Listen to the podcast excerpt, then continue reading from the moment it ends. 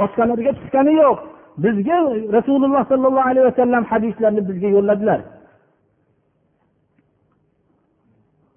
بسم الله الرحمن الرحيم والعصر إن الإنسان لفي خسر إلا الذين آمنوا وعملوا الصالحات وتواصوا بالحق وتواصوا بالصبر alloh subhanahu va taolo o'zi va farishtalari qilgan amalga mo'minlarni taklif qilib إن الله وملائكته يصلون على النبي. يا أيها الذين آمنوا صلوا عليه وسلموا تسليما deb marhamat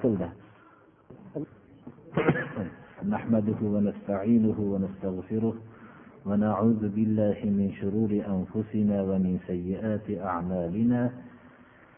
من يهده الله فلا مضل له ومن يضلل فلا هادي له. وأشهد أن لا إله إلا الله وحده لا شريك له. وأشهد أن محمدا عبده ورسوله. أما بعد السلام عليكم ورحمة الله وبركاته.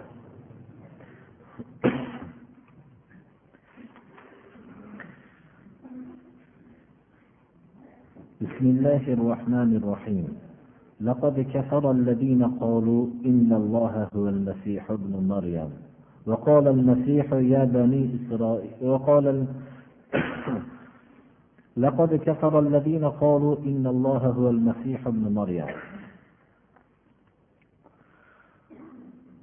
قل فمن يملك من الله شيئا؟ إن أراد أن يهلك المسيح ابن مريم وأمه ومن في الأرض جميعا. ولله ملك السماوات والأرض وما بينهما يخلق ما يشاء والله على كل شيء قدير.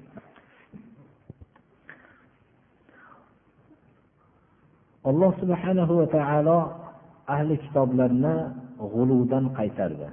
G'ulu bir narsani haddidan tashqari ko'proq amal qilaman deb yaxshi niyatda bir kishini haddan tashqari hurmat qilaman deb haddidan oshib ketishlikni g'ulu deydi.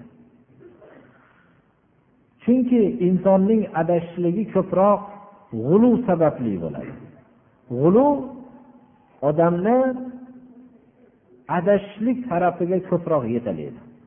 Hatto dunyodagi tug'yon dunyodagi haddan tashqari bo'lgan tug'yon ham insonni zalolatga olib boradi.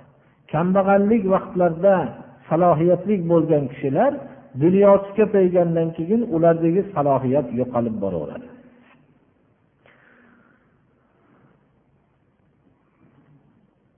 Rasululloh sollallohu alayhi vasallam marhamat qiladilarki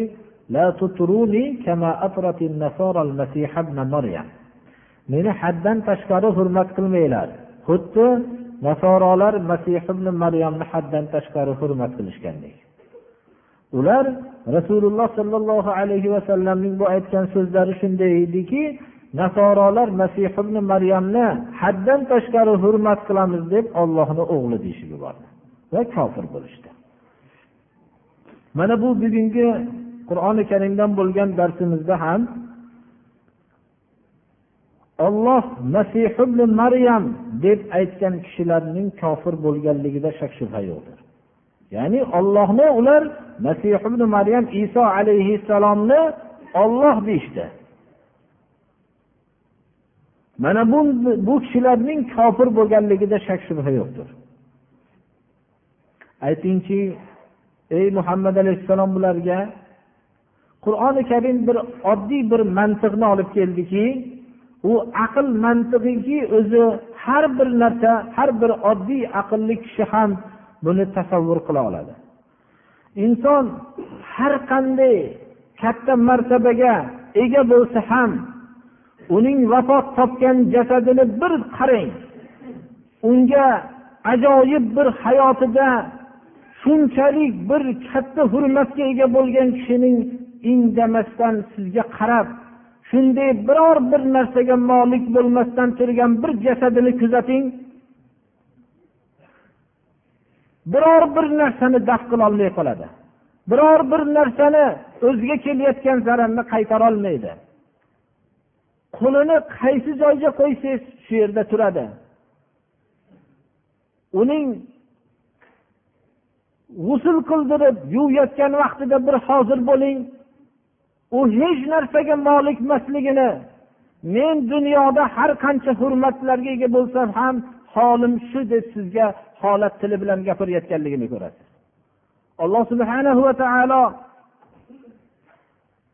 rasululloh sollallohu alayhi vasallamga ayting bu masih ibn maryamni xudo deb olgan kishilarga فمن يملك من الله شيئا إن أراد أن يهلك المسيح ابن مريم وأمه ومن في الأرض جميعا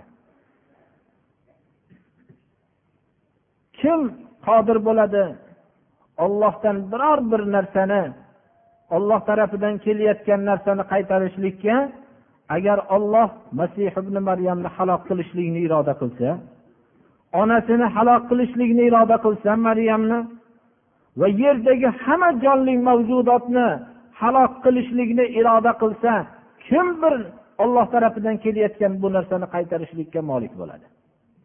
Hech kim. Chunki koinoti yer va koinoti yerning o'rtasidagi hamma mulk ollohning o'ziga xosdir. Olloh xohlaganini yaratadi olloh har bir narsaga qodirdir. Yer yuzidagi hamma kuchlik olimlaru ilmsiz kishilaru hayvonotu hamma narsa jamlanib bir tomchi suvni yarataman deb hamma ilmni ishlatsa yaratolmaydi.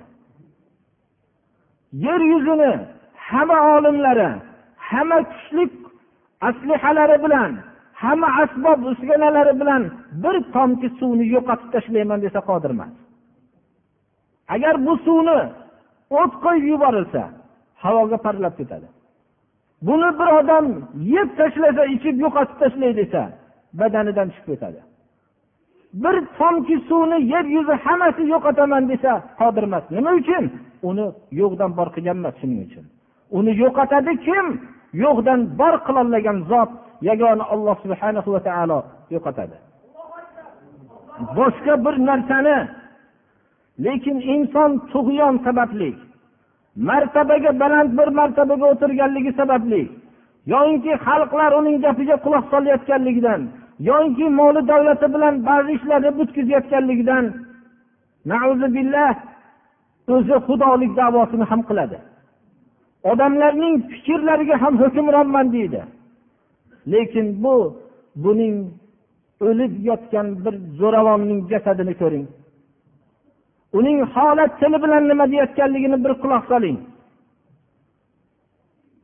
Uning jasadidan ruh chiqib ketgan vaqtidagi uning holatini bir ko'ring u qaysi holatda turadi.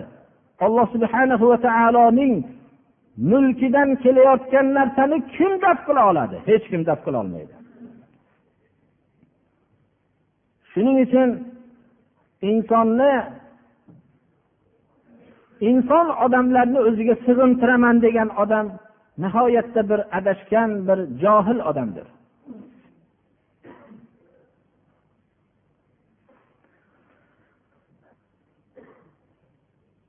Mana bu iso alayhissalom bilan volidalarini maryam buni xudo deb sig'ingan kishilarni alloh subhanahu va taolo rad qilib ular ovqat yeyildi. Qanday xudo bo'la oladi? Ovqat yeyishlikka ega xususiyatiga ega bo'lgan odamning bir holini tomosha qilsangiz ovqat yeyishlikka ega bo'lgan odam qattiq bir qorni ochganda shunchalik hurmatli odam ham bir go'dak bolaga o'xshab qoladi. Sabrsizligi bilan. Undan tashqari ovqat yeydigan odamning o'zini qorni to'yib tahorat qilishlikka shoshiladigan bir holat bo'lgan holatini ko'rsangiz bu qanday bir sig'iniladigan bu mavjud bo'ladi? U bir kulgili bir holatda turadi. Dunyoning har qanday zo'ravoni ham qorni ochib qolgan holatdagi bir holati go'dakni holatiga o'xshaydi. Shuning uchun alloh subhana va taolo ular ovqat yerdiyu ular qanday xudo bo'la oladi?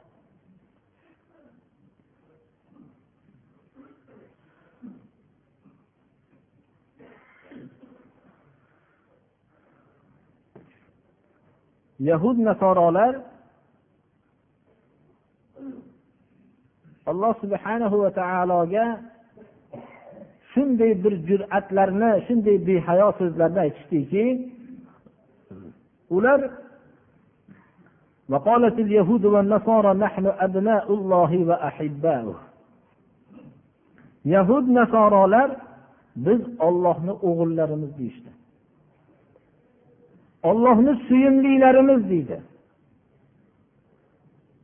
bizga shu so'z haqiqatda ollohni o'g'illarimiz degan so'zi bir qiziq so'z bo'lib tuyulsa ham shuni qatorida ollohni suyumli bandalarimiz biz degan so'z ham qiziq tuyuladi. Lekin hozirgi vaqtdagi musulmon ummatining ham ba'zi bir so'zlariga quloq solsangiz biz ollohni suyumli bandalari ekanmiz deydi. Yahud nasorolar biz ollohni o'g'illarimiz va suyumli bandalarimiz deyishardi. Lekin bu gapni tagida ko'p narsalar turardi. Ular aytishardiki olloh bizlarni gunohlarimiz bilan azob bermaydi shuning uchun nima gunoh qilsak bo'laveradi degan gap ham yotardi bu gapni tagida ular do'zaxga kirmasligini ham davo qilishardi. Magar sanoqli kunlar kiramizki shu bo'zakka ibodat qilgan kunlarimizcha biz do'zaxga kiramiz mabodo kirsak ham deyishardi. Alloh subhanahu va taolo rasululloh sollallohu alayhi vasallamga xitob qilib shunday deydiki ollohning adolat tarozisida biror bir kishini ayalmaydi. Alloh subhanahu va taolo qiyomat kuni adolatlik tarozisini qo'yadi. Kim gunohkor bo'lgan bo'lsa uni alloh subhanahu va taolo azoblaydi. Magar o'zi xohlagan bandalarni o'zi kechiradi. Mana bu yahud va nasorolarga ayting ey muhammad alayhissalom gunohinglar sababli bo'lmasam sizlarni nima azoblaydi agar sizlar ollohni o'g'illariyu suyimli bandalari bo'lsanglar.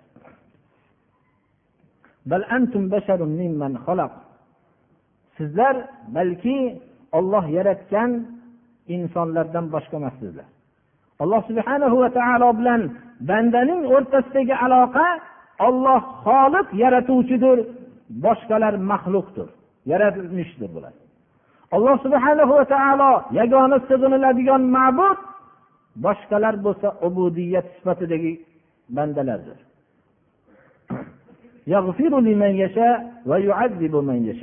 Olloh xohlaganni gunohlarini kechiradi xohlaganni azoblaydi.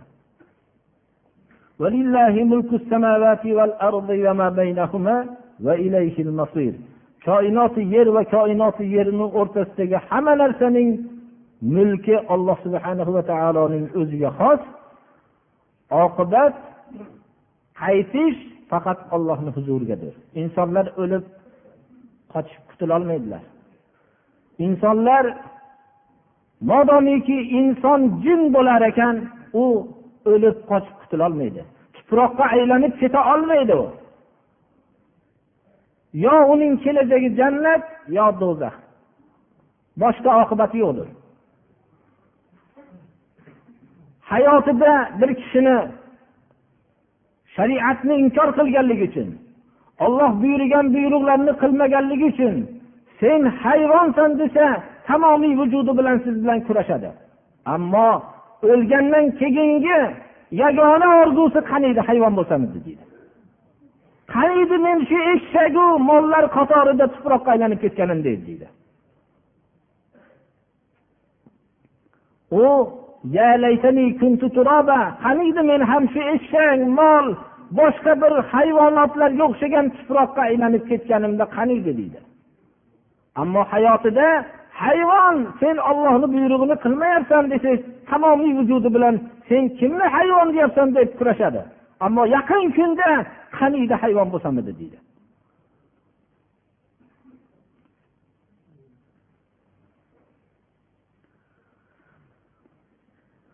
يا أهل الكتاب قد جاءكم رسولنا يبين لكم على فترة من الرسل أن تقولوا ما جاءنا من بشير ولا نذير فقد جاءكم بشير ونذير والله على كل شيء قدير ey ahli kitoblar sizlarga bizni elchimiz keldi muhammad alayhissalom keldi sizlarga uzoq vaqt payg'ambarlardan ajralish davri bo'lishligiga qaramasdan sizlarga ko'p narsalarni bayon qilib beradigan payg'ambar keldi iso alayhissalom bilan rasululloh sollallohu alayhi vasallamning o'rtalarida taqriban besh yuz oltmish yil muddatda payg'ambar kelmadi.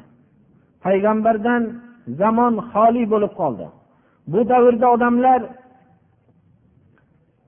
yetim qolgan bir xil yoshdagi bolalar nima bilan qolib ketgan bo'lsa balki kuchlisi kuchsizini yeb yashaydigan bir holat bo'lganga o'xshagan payg'ambar haqiqiy rahbardan xoli qoldi. Bu davrni johiliyat deb ko'proq tilga olamiz. Payg'ambar hidoyatini odamlar qo'yib o'zlarining xohishlariga ergashib ketgan davrdir. Mana bu johiliyat davrida besh yuzu oltmish yil davrida qolgan qoldiqlar hozirgacha odamlar shu qoldiqlarni qilib kelishadilar. Rasululloh sollallohu alayhi vasallamni alloh taolo ko'p narsalarni bayon qilib beradigan elchi qilib payg'ambar qilib jo'natdi. Ahli kitoblarga alloh taolo xitob qilib ey ahli kitob sizlarga bizni elchimiz keldi. Uzoq vaqt payg'ambardan uzilib qolgan davr bo'lishligiga qaramasdan sizlarga ko'p narsalarni bayon qilib beradigan. Sizlar bizlarga jannatni bashoratini beradigan yaxshi amal qilgan kishilarga yomon amal qilib ollohni buyruqlarini qilmagan kishilarga ogohlantiradigan do'zaxdan ogohlantiradigan kishi kelmagan edi deb qolmasliginglar uchun hujjat bo'lishligi uchun alloh subhana va taolo o'zini elchisini jo'natdi. Jannatni bashoratini beruvchi va do'zaxdan ogohlantiruvchi mana keldi sizlarga.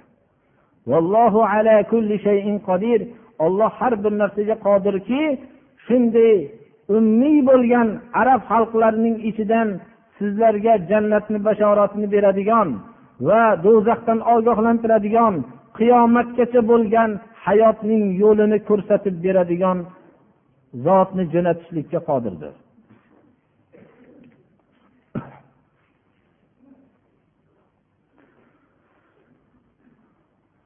وإذ قال موسى لقومه يا قوم اذكروا نعمة الله عليكم. إذ جعل فيكم أنبياء إذ جعل فيكم أنبياء وجعلكم ملوكا وآتاكم ما لم يؤت أحدا من العالمين. يا قوم ادخلوا الأرض المقدسة التي كتب الله لكم ولا ترتدوا على أدباركم فتنقلبوا خاسرين. قالوا يا موسى إن فيها قوما جبارين وإنا لن ندخلها. حتى يخرجوا منها فإن يخرجوا منها فإنا داخلون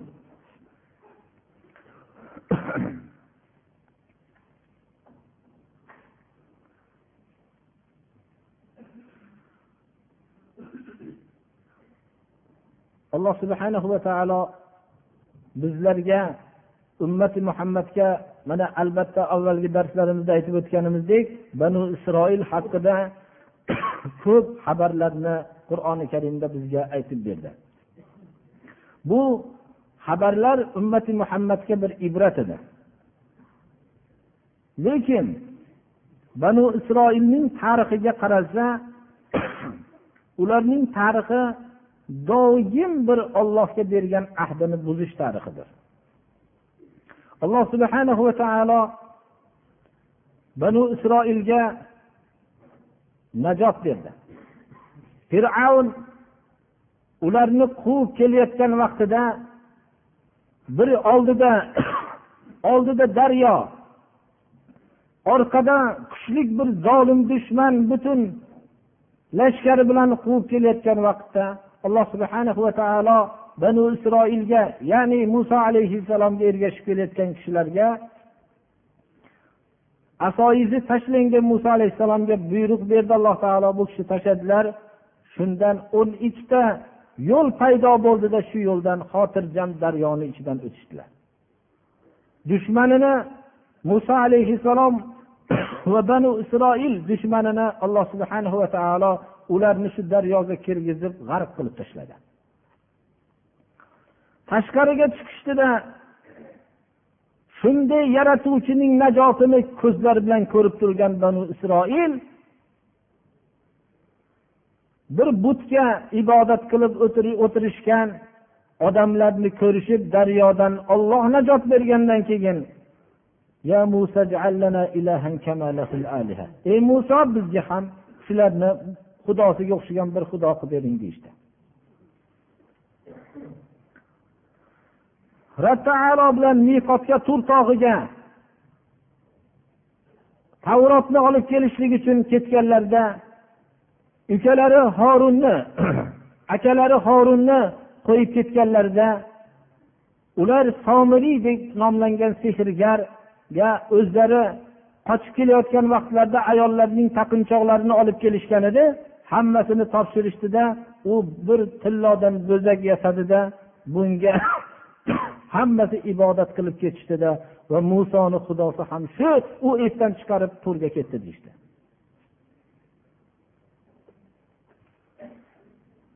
Alloh subhana va taolo ularga sahroda yurgan vaqtida muso alayhissalomning qo'llaridan tosh o'n ikkita buloq bo'lib o'n ikki tarafga oqib turardi sahroda.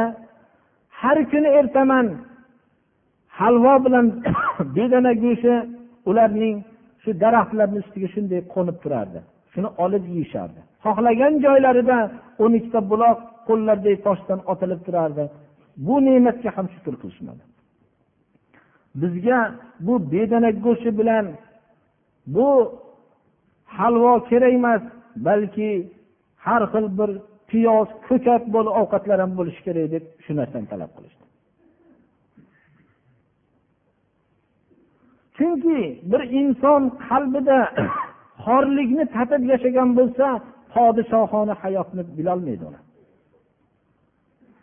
Hozirgi vaqtida ham bizning xalqimizga hamma sharoitlik bir dunyo birdan paydo bo'lib qolsa qalblarda qullik uzoq vaqt davom etganligi uchun pokiza oliyjanob bo'lib yashashlikni bilmay qoladi birodarlar. Ular ham shunday bedana go'shti halvo shunday buloqlarning otilib turishligini buni hayotni ko'risholmadi. Chunki doim tepadan buyruq qilib zo'ravonlik bilan boshqarilib turgan odamni erkin qo'ysa erkin hayotni ko'rmagandan keyin bizga ana shu buyruqni qilib turadigan hayot oson ekan hech qanday bir narsani qilolmayapmiz mabodo ba'zi kishilar borki shunday qobiliyatlari bo'lishiga qaramasdan bir narsani buyursangiz qiladi. Buyursangiz juda katta ishlarni bajara olmaydi ammo buyurmasangiz o'zicha bir oddiy ishni ham qilolmaydi. Nima uchun? Uning qalbida bir qullik bir zanjiri joylanib qolgan.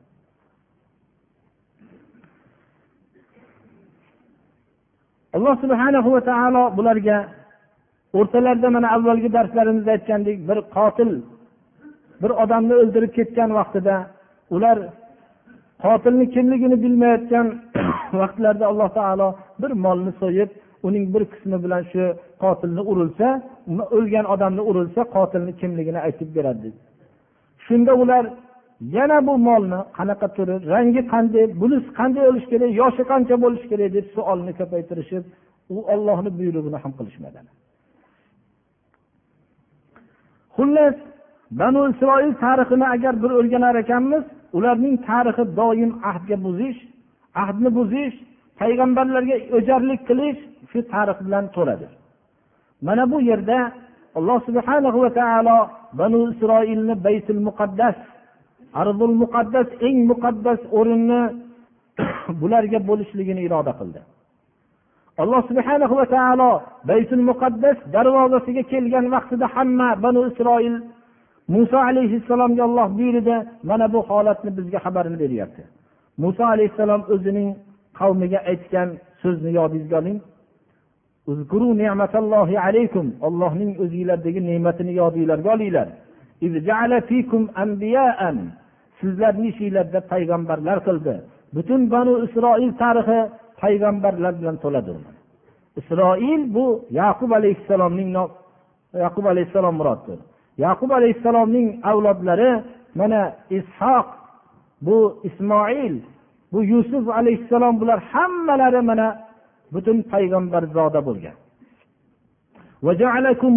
Sizlarni ichinglarda podsholar qildi mana. Avvalgi darslarimizda mana alloh subhanahu va taolo tarafidan podshoni bo'lishligini talab qilishganda podsholarni berdi mana.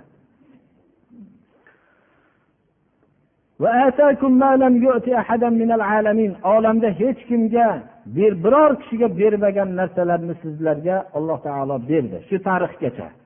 To janobi rasululloh sollallohu alayhi vasallamni tarixigacha bo'lgan davrda hech kimga bermagan narsalarni berdi.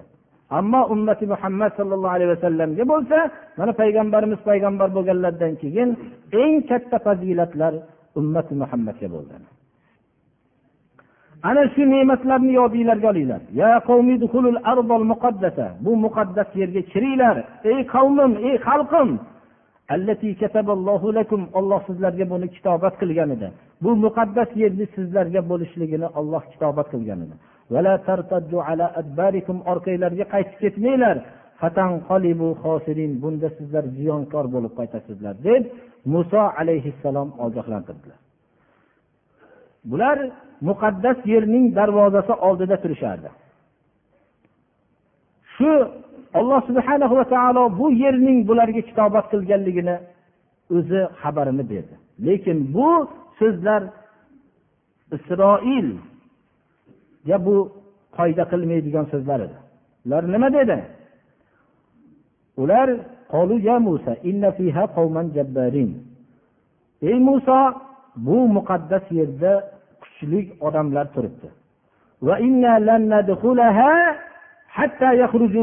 Biz hargiz bu muqaddas yerga kirmaymiz hatto bu yerdan ular chiqib turmaguncha. Ular shu yerdan chiqsa biz bu muqaddas yerga kiruvchimiz deyishdi. Inson shu so'zni eshitib bir ajib bir hayron qoladi. Alloh subhana va taolo muqaddas yerni kitobat qilgan bo'lsa ular shu yerga kirishliklariga shu yerning ahli qaysi bir kishi kelgan vaqtida bu yerni sizlarniki bo'lsin deb chiqib ketadi. Alloh subhana va taolo u yerda o'zining manhajini tavrot hukmini yurishligini mana shu odamlarning qo'li bilan bo'lishligini xohlamadi.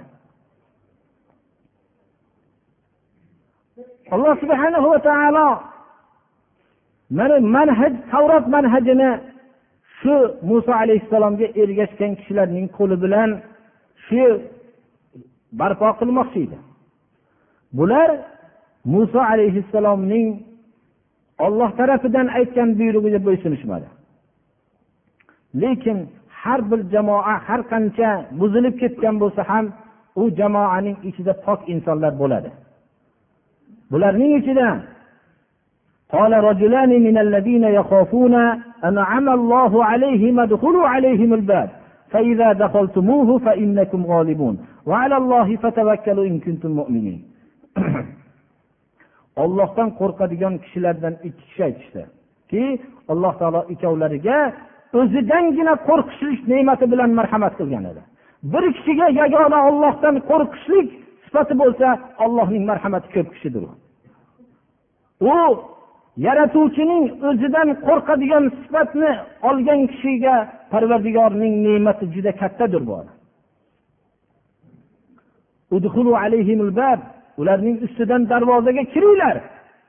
Agar kirsanglar sizlar g'olib bo'lasizlar. Haqiqatda ham inson har qanday qo'rqinchli bo'lib turgan narsani shu uyni ichida har qanday dahshatli narsa bor desa shunday darvozani ochib kirishligi bilan hech qanday shu uyni ichidagi dahshatlanib turgan qo'rquvdek narsa hammasi titrovga oladi.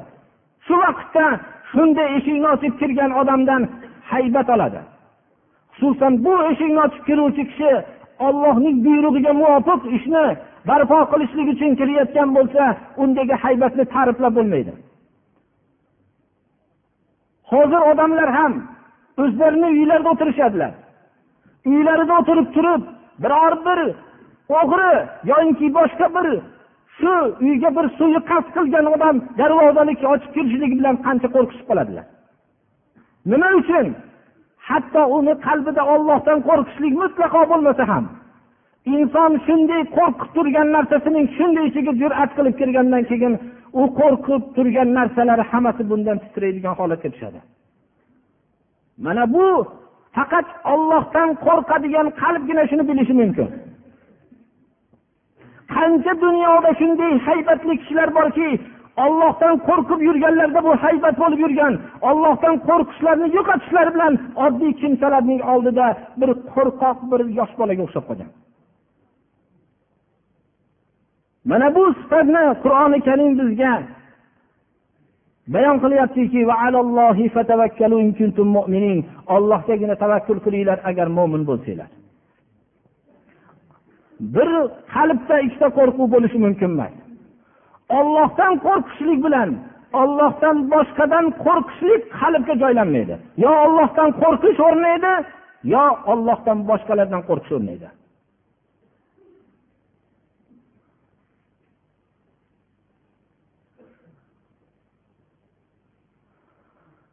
Mana bu kishining ikkita odamning ollohdan qo'rqadigan kishilarning so'zlari.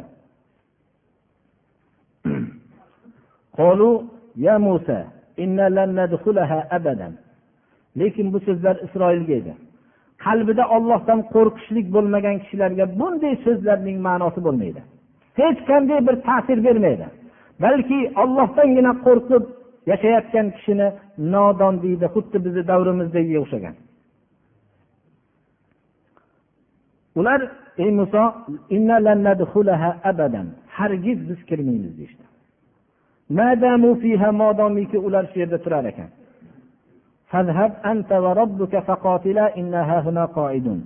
Sizu rabbiz boring ikkovinglar shu yerda urushinglar biz bu yerda o'tirib turamiz deyishdi. Shunchalik behayo kalimani aytishdi. Rabbiz deyishdi. Rabbimiz bilan ham demadi.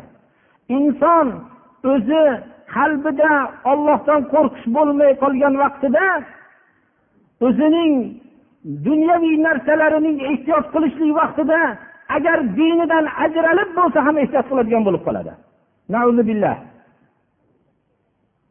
Shuning uchun hatto rabbim deb umrida aytib yurgan odam ham rabbiz deb aytadigan bo'lib qoladi. Biz bu yerda o'tirib turamiz siz rabbingiz bilan borib urushing deyishdi. Shunchalik behayo so'zni aytishdi. Inson o'ziga ergashib turgan odamlarning shunchalik behayolik darajasiga shuncha ne'matlarni ko'rib turib rab taolosini tanimayotgan vaqtida insonning har qanday bo'lsa ham toqati tamom bo'lib qoladi. Va o'zining yaratuvchisi yagona suyanchig'iga yolboradi. Xudoyo meni shu yerga kirishlikka buyuryapsan men o'zimga va akam horundan boshqaga qodir emasman. Bizlar bilan bunday fosiq odamlarning o'rtasini judo qilib tashlagin. Bu duoda bir alam bekinib yotadi. Bu duoda alloh subhana va taoloning hukmiga oxirgi nuqtagacha taslim bo'lishlik bekinib yotadi. Hatto bu duoda ollohga iltijo bekinib yotadi. Ey rabbim men o'zimga va akamga qodirman boshqaga kuchim yetmaydi. Men bilan bunday fosiqlarning o'rtasini jido qilib tashlagin dedilar. Alloh subhanahu va taolo bunday yumshoq maishatda yashab kelayotgan xalqni bunday pokiza muqaddas yerni alloh subhanahu va taolo unga hayf qildi.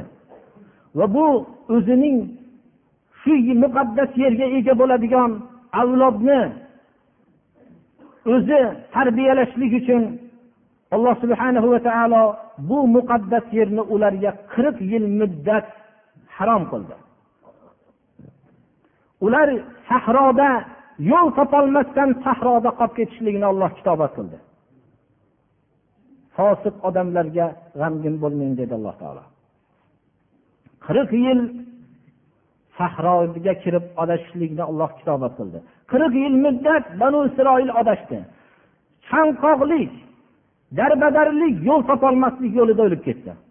Azizlik yo'lida o'lishlikni olloh hayb qildi bu banu isroilga. Qo'rqoqlik va sahroda ochlik xorlik yo'lida o'lishlikni kitobat qildi. Odamlar azizlik yo'lida o'lishni xohlashmasalar olloh uni hayb ko'radida xorlik yo'lida o'ldiradi. O'limdan boshqa chora yo'q. O'limdan hech kim qochib qutulolmaydi. Yo izzat azizlik yo'lida o'ling yo xorlik yo'lida o'ling. Alloh subhana va taolo bunday yumshoq hayotda yashayotgan odamlarning buzilgan odamlarni bunday muqaddas yerga hayit ko'rdida qirq yil shu yerda dovdirab shu yerda bir avlod yetishdiki durust hayotda qattiq hayotga chiniqqan har qanday qiyinchilikni yengadigan sahroda tarbiyalangan avlod vujudga keldi. Mana bu avlod muqaddas yerning alloh subhana va taolo kitobat qilgan muqaddas yerning merosxo'rlari bo'ldi. Haqiqatda ham bizlarni ham buzayotgan hayot yumshoq hayotdir birodarlar. Yumshoq hayotlar insonlarni buzadi. Farog' bo'shlik bu maishat bu narsalar hayotni odamlarni buzadi. Ko'ring ba'zi sofdil qalbi toza kishilar borki ularni istayman desangiz hozir mahbus bo'lib yotgan odamlar bor. Habsxonalarda qiyin holatlarda ulardan sodir bo'lgan hunarmandliklarni ko'rsangiz har qanday asbob uskanalar bilan qo'yib qo'ygan hunarmandlar bu hunarlarni qila olmaydi. Nima uchun? U har bir insonning qalbida bekinib yotadi u qobiliyatlar. Bu qobiliyatlarni yumshoq hayot buzadi. Agar durust hayotda yashagan inson o'zidagi qobiliyatlari doim qaynab chiqib turadi. Hatto inson qiyinchilik holatida bir ko'rsangiz o'zi ba'zi bir ishlarni qilganligini shuni men qilganmikinman deydi.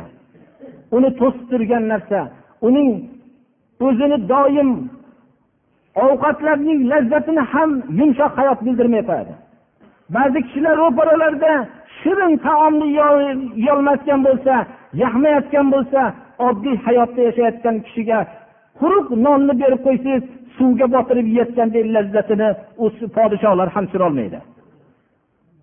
Mana bu narsa qirq yilgi hayot bir qirq yil muddatda bitta avlod yo'qolib yangi pokiza avlod vujudga keladi. Biz shu narsani bilaylikki alloh subhana va taolo bizga mana ta'lim berdiki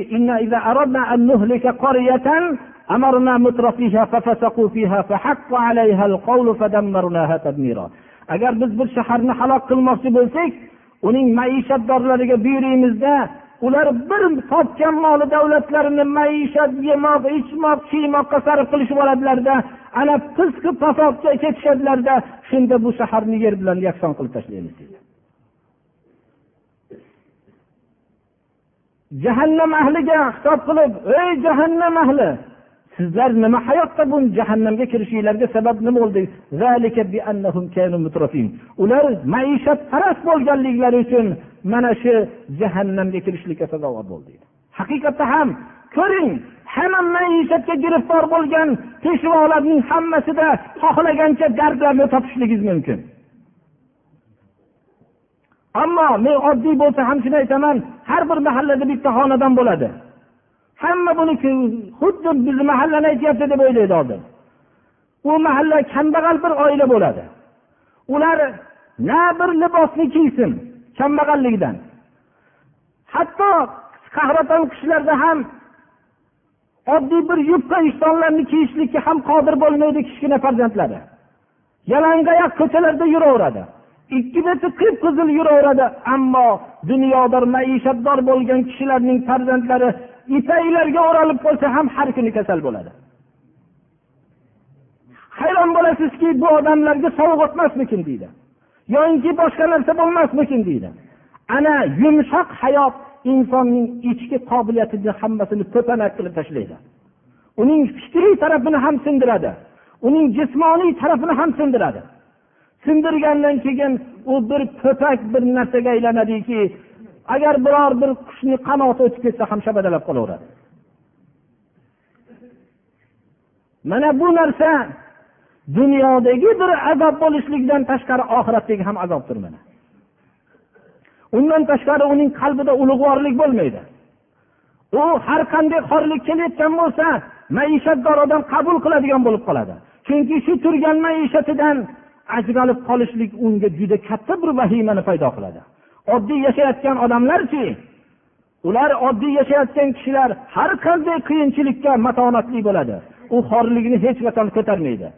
Rasululloh sollallohu alayhi vasallam payg'ambar bo'lgan davrda rum fors hukmdorligi maishat bilan g'arq bo'lib yotardi. Alloh subhana va taolo arab xalqiga risolatni berdi. Rasululloh sollallohu alayhi vasallamning atroflariga yig'ilgan kishilar maishat kasaliga giriftor bo'lmagan kishilardan bo'lishligini iroda qildi.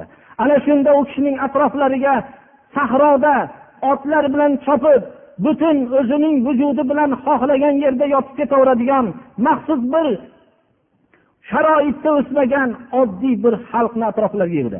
Bular haqiqatda bir tarafdan vahshiy tabiat edi. Lekin ikkinchi tarafdan xom ashyo bor ediki uni bir mohir bir tarbiyachining qo'liga o'tganda komil bir insonlarga aylanardi. Alloh subhana va taolo mohir tarbiyachi muhammad alayhissalomni jo'natdi. Atroflariga shunday yig'ildi. Ana shunday xom ashyolik bo'lgan kishilarni tarbiya qildilar. Ular bir komil insonlarga aylanib yer yuzining eng bir murabbiy usti axloq murabbiylariga aylandilar. Biz ham birodarlar shuni bilaylikki bir kishini qul qilmoqchi bo'lsa mustamlakachilik siyosati ham shuni ko'rsatadiki u odamning birinchi maishatdor qilib oladi. O'z butun hayotini yumshoq yashaydigan qiladi va keyin qaysi buyruqni bo'lsa qabul qilaveradigan bo'ladi. Yumshoq hayot insonning ichki qobiliyatlarini hammasini o'ldiradi va uning jismoniy qobiliyatlarini ham o'ldiradi. Shuning uchun ham oddiy har qanday bir bo'lishligidan qat'iy nazar maishat kasaliga giribtor bo'lishlikdan ehtiyot bo'lmoqlik kerak.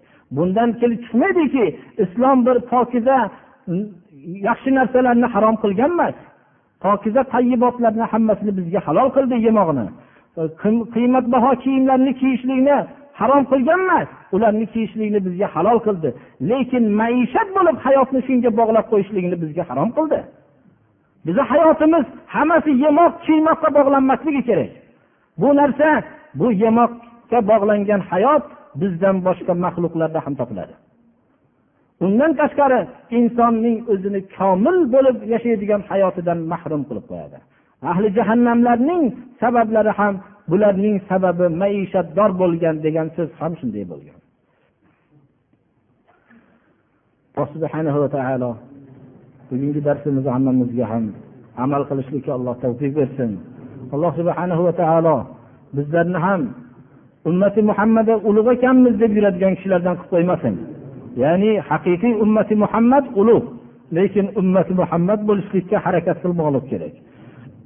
Rasululloh sollallohu alayhi vasallamga ollohni yaxshi ko'raman degan kishilarga bir tarozi berdiki alloh taolo mana استعيذ بالله قل إن كنتم تحبون الله فاتبعوني يحببكم الله ويغفر لكم ذنوبكم والله غفور رحيم ayting ey muhammad alayhissalom agar ollohni yaxshi ko'rsanglar menga ergashinglar deng kim rasuliga ergashsa bu odam ollohni yaxshi ko'rishligini isbotlagan kishidir ammo rasuliga ergashmasa u taroziga tushmagan kishidir birodarlar Alloh shunda sizlarni ham yaxshi ko'radi va gunohinglarni mag'firat qiladi. Olloh kechiruvchi gunohlarni va rahmdil zotdir. Odam mana bu yerda soatlar bu mayda harfli qur'onni o'qiy olmasa katta harfli qur'onga almashtirib olsa ribo bo'ladimi deb shunday debdilar bu masalan katta harfli qur'onga almashtirsa ribo bo'lmaydi. Chunki bir xil emas narsa bir xil narsa emas. Rajab oyida ro'za tutishlikni so'rabdilar. Ro'za tutish haqidagi masala shuki farz ro'zani bilamizki ramazon oyida ro'za tutamiz bir oy va shundan boshqa nafr ro'zalarni payg'ambarimiz sollallohu alayhi vasallam targ'ib qilgan kunlar dushanba va payshanba kuni. Dushanba kuni rasululloh sollallohu alayhi vasallam payshanba kuni ro'za tutadilar va shu bilan birga oydin kechalarda o'n uch o'n to'rtinchi o'n beshinchi oydin kechalarda nafr ro'za tutadilar va shu bilan birga shabonning aksari kunlarda ro'za tutadilar. Shabon bu rajabdan keyingi oy.